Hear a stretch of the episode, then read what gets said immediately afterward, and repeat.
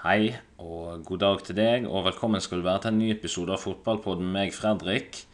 Det er, det er storm ute nå, her jeg sitter i Bergen. Det er ikke fint vær, så derfor så tenkte jeg at uh, i stedet for å gå ut og gå tur, så kunne jeg heller spille inn en episode av uh, Fotballpod. Og det jeg har valgt ut, det er kampen som var onsdag kveld mellom Real Madrid og Liverpool. Det endte jo til slutt 6-2 sammenlagt uh, for Real Madrid. De har uh, unngått det de gjorde i fjorårets Champions League-utgave med å gjøre det altfor spennende hver kamp og ligge lenge under og se ut og ryke ut, før de til slutt vant på med et hårstrå.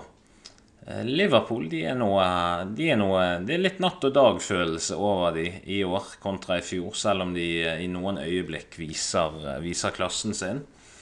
Fordi Liverpool sin åpning hjemme mot Real Madrid, den var jo så god. Det var to kjappe mål, og så lenge ut som at eh, de så lenge ut som de var det laget da, så de har sett ut som så mange sesonger før under Klopp. Men når kampen var over på Anfield, så sto det 5-2 til Real Madrid. Og det er på en måte en kamp som beskriver Liverpool sin sesong. Det går opp, og det går ned. Det er en heis i en uh, høy skyskraper som ofte er langt nede og av og til et stykke opp og smaker på den fine utsikten da, i form av gode prestasjoner. Liverpool har under Klopp blitt vant til å være ganske høyt oppe i denne skyskraperen. Men denne sesongen har jo vært preg av en helt annen ustabilitet som de ikke har vist tidligere under Klopp, i hvert fall ikke de siste årene under Klopp. Og i hjemmekampen mot Real Madrid så ser man denne ustabiliteten egentlig alt på én gang. Fordi det kan være en nydelig intensitet som Liverpool viste i starten av den kampen. Men det kan òg være en kamp som er preget av masse individuelle feil.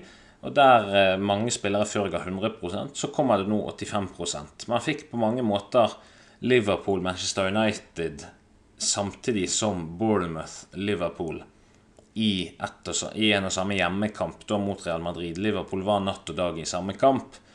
Mens mot Manchester United så var Liverpool dag, mens mot Bournemouth så var de natt. Og utgangspunktet før denne bortekampen var jo veldig tøft. Selv om bortemålsregel er vekke nå, så måtte Liverpool da skåre tre ganger for å få ekstraomganger, og det skjedde jo aldri.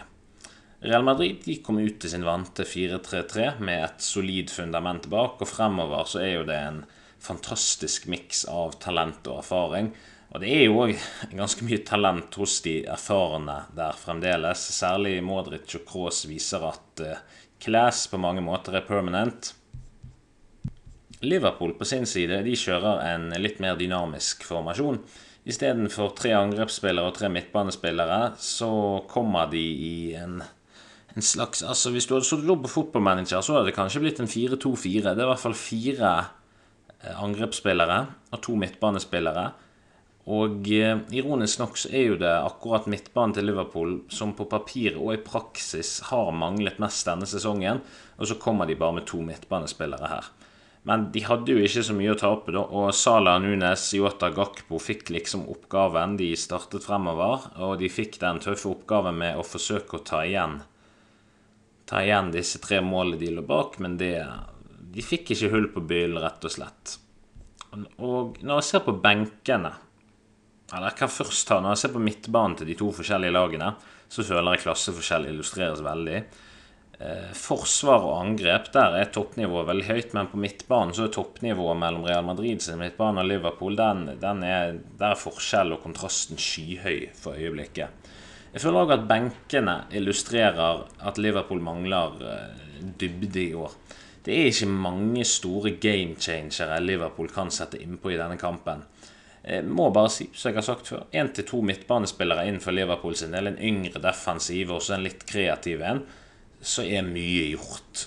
Real Madrid, Real Madrid, på sin side de har jo gode spillere på benken, i hvert fall på papiret. De har jo mange unge spennende.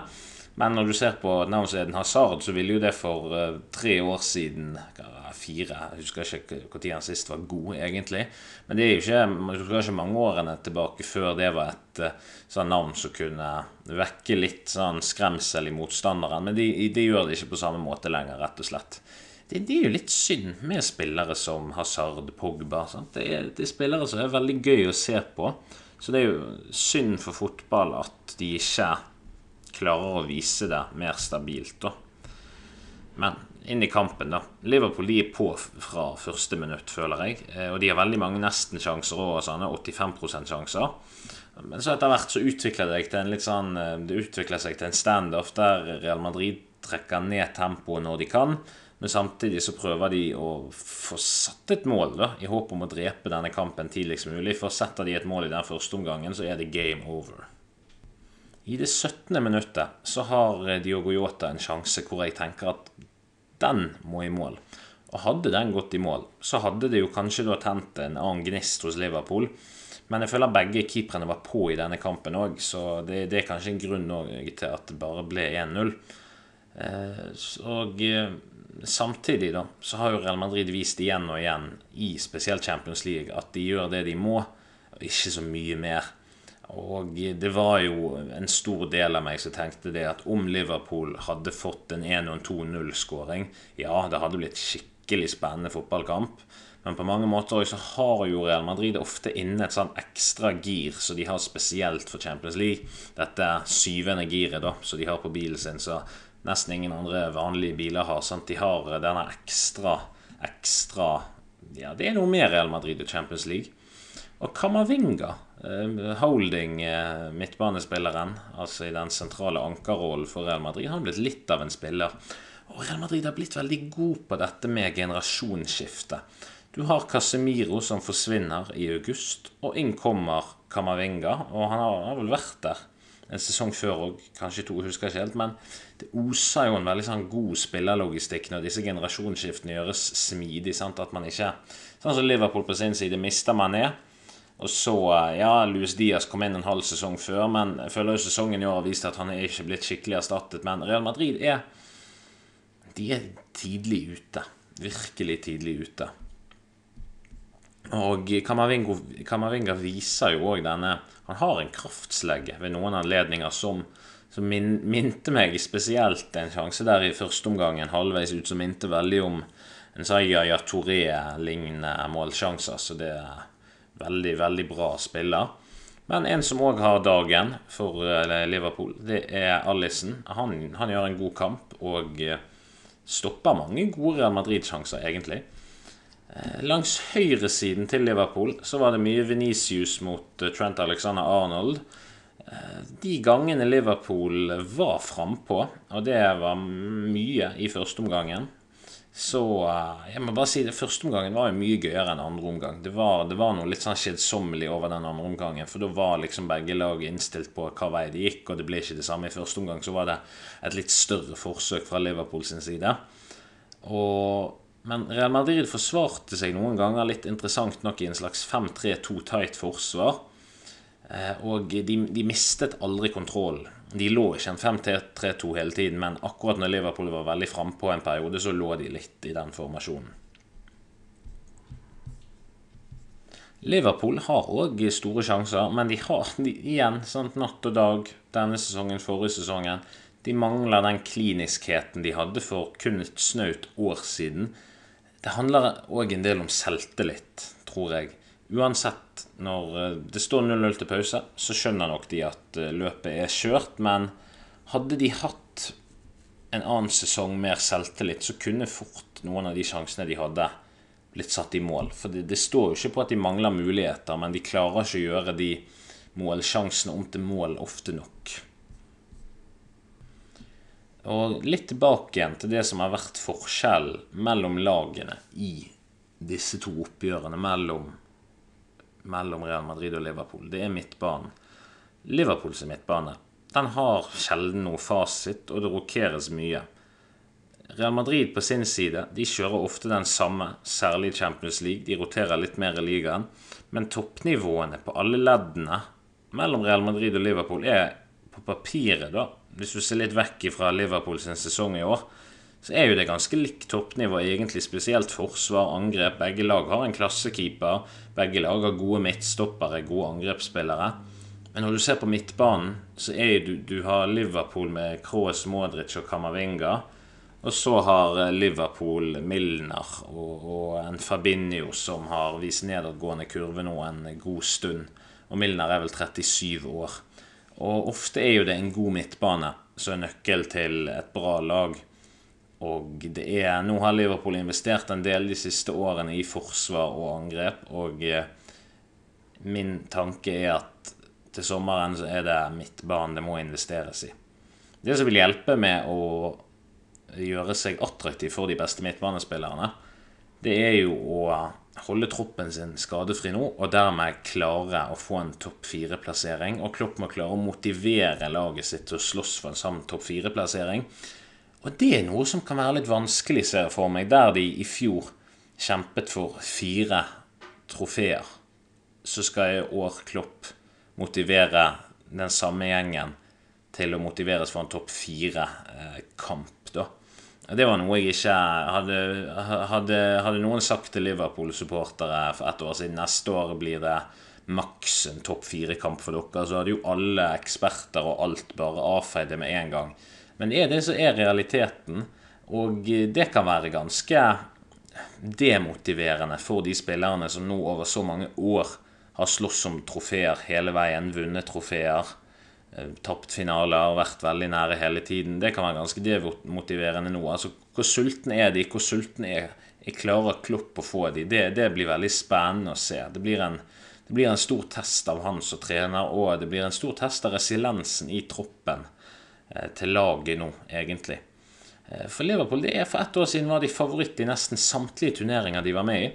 Det har liksom ikke vært noen gradvis formdupp for Liverpool sin del. Det er, det er, rett og slett natt og dag mellom i fjor og i år. Det blir tøft, denne topp fire-kampen. Det er hardt om beinet noe hardere enn for bare ett år siden. Det er jo en slags ny topp syv-situasjon med Newcastle. Liverpool må ta igjen Tottenham. De bør plukke mer enn Newcastle. I tillegg til å holde unna Dark Horsen Brighton. Og det er som Klopp sa etter Real Madrid-kampen, en massive task. Mye blir avgjort etter landslagspausen.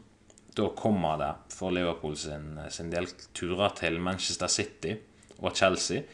I tillegg så er det en hjemmekamp mot Arsenal. Det er tøffe, store kamper på rekke og rad. En god nyhet for Liverpool er at Louis Diaz ryktes å bli klar mot City-kampen. De trenger alle bein de kan få, men det understreker jo at Eh, for Liverpool har mye valgmuligheter framover. Du har Gakpo, du har Nunes, du har Sala, du har Yota, du har Luis Diaz. Det er ikke fremover i angrepets skranter. Det er på midten det trengs. Og sant, hvis det ikke går med topp fire, da, hvis det er det som skjer, så blir det igjen i sin tur vanskelig å få inn gode midtbanespillere.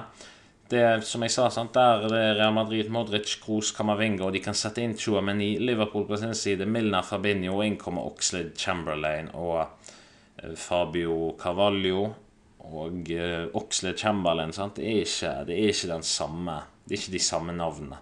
Og en spiller som var en relativt stor investering for Liverpool, men som aldri helt har innfridd litt, det er jo Nabi Keita. Og det er veldig synd, men det er jo en del av, av gamet eh, i overganger. Det er, det er ikke alle signeringer, tross at de ser veldig gode ut i klubben de kommer fra, som slår til uansett, det blir, en, det blir, jo en spennende sesonginnspurt, selv om man ikke slåss for trofeer for Liverpool sin del. Eh, det, er, det blir kamp hele veien inn om denne topp fire-plasseringen. Det er det det handler om. Om jeg tror de klarer det, så både ja og nei. En del av meg tror jo at de skal klare å For det, det, det er jo noe med lagene rundt, og du må se på de. Jeg tror Tottenham oser jo ikke akkurat stabilitet. De får det i hvert fall like tøft som Liverpool med å holde inn hele veien.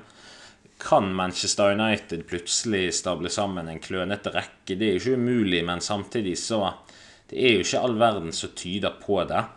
Og da er jo det for Liverpool Det står jo mye det er mye som tyder på at det står mellom Liverpool, Newcastle og Tottenham om den siste topp fire-plassen. Og, og alle har nok lyst på den fjerdeplassen. Jeg ser fort for meg at uh, kanskje er det Liverpool som er en knapp favoritt av de tre. Det gjør jeg nok. Jeg vil nok si at de som en knapp favoritt. Jeg tror ikke Brighton får det til. Det gjør jeg ikke, selv om de har, eh, de har en god sesong. Men jeg tror, eh, jeg tror det kommer til å De har ikke den samme dybden som eh, lagene foran, da. Uansett, det er, det er gjerne ikke en trofékamp, men spennende blir det. Uansett, tusen takk for at uh, du lytter på Fotballpod, og så ses vi snart igjen.